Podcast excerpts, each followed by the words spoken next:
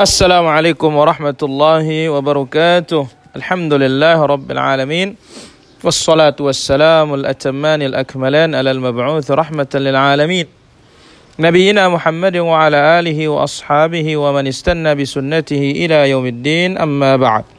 أيها المسلمون والمسلمات رحمني ورحمكم الله. Alhamdulillah pada jumpa hari ini kembali kita akan lanjutkan bahasan kita dari kitab Syarhus Sunnah oleh Imam Al-Muzani Asy-Syafi'i rahimahullahu taala. Qala al-musannif rahimahullah bihadratil mawazin. Al-musannif rahimahullahu taala menjelaskan tentang al-mizan yaitu timbangan, neraca yang Allah Subhanahu wa taala siapkan kelak pada hari kiamat dialah neraca dan timbangan yang hakiki yang memiliki dua daun timbangan yang disebut oleh Allah Azza wa Jalla dalam Al-Quran wa nadha'ul mawazin al-qist liyaumil qiyamah fala nafsun dan kami letakkan timbangan-timbangan keadilan kelak pada hari kiamat dan tidak seorang jiwa pun akan terzalimi sedikit pun. Dengan demikian yang akan ditimbang kelak pada hari kiamat pertama adalah amalan-amalan hamba. Yang kedua, catatan-catatan amal mereka dan yang ketiga adalah badan seorang hamba. Kemudian Al-Musannif rahimahullah berkata, "Wa nashri suhufid dawawin." Kemudian Allah Subhanahu wa taala akan buka dan akan paparkan lembaran-lembaran catatan yang mana dicatat di dalamnya seluruh amalan hamba yang baik maupun yang buruk. Maka ada di antara manusia mengambil catatannya dari tangan kanan. Dan itulah orang-orang yang berbahagia. Dan ada pula yang mengambil catatannya dari tangan kiri, dari belakang punggungnya. Dan itulah orang-orang yang celaka. Maka hamba akan menemukan seluruh apa yang dilakukan dari awal kehidupannya sampai kematiannya. Dengan penuh perincian. Sebagaimana disebut oleh Allah Azza wa Jalla dalam suratul Kahf.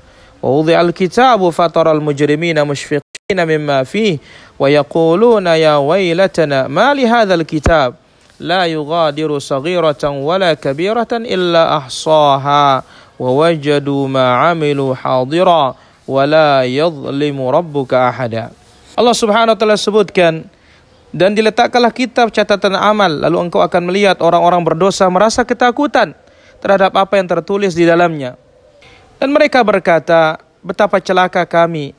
Kitab apakah ini? Tidak ada yang tertinggal, yang kecil dan yang besar, melainkan tercatat semuanya. Dan mereka dapati semua apa yang telah mereka kerjakan dalam keadaan tertulis. Dan Tuhanmu tidak menzalimi seorang pun juga.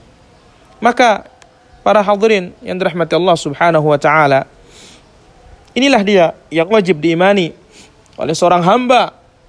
Dan ini bagian dari akidah Islam yang berkaitan dengan al-imanu bil yaumil akhir. Kemudian al-musannif rahimahullah berkata, Ahsahullah wa nasuh. Ayannal amilin. Orang-orang yang beramal, mereka lupa apa yang telah diamalkan di dunia. Tetapi Allah subhanahu wa ta'ala yang menghitungnya.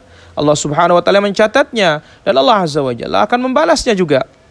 Sebagaimana yang disebut oleh Allah azza wa jalla di dalam Al-Quran, yauma yab'athuhumullahu jami'an fayunabbi'uhum bima 'amilu ahsahullahu wa nasuh wallahu ala kulli syai'in syahid. Ketika Allah Azza wa Jalla membangkitkan mereka semua, mereka akan diberitakan amalan-amalan mereka di dunia. Allah Subhanahu wa taala simpan, Allah Subhanahu wa taala catat, tetapi mereka melupakannya. Allah Subhanahu wa taala Maha menyaksikan segala-galanya. Inilah dia keadaan manusia kala pada hari kiamat. Maka persiapkanlah diri kita dan jangan sampai amal kita amalan yang buruk sehingga kita mendapatkan kerugian dan kecelakaan dan penyesalan kelak di hari kiamat. Wassallallahu ala nabiyina Muhammad alamin.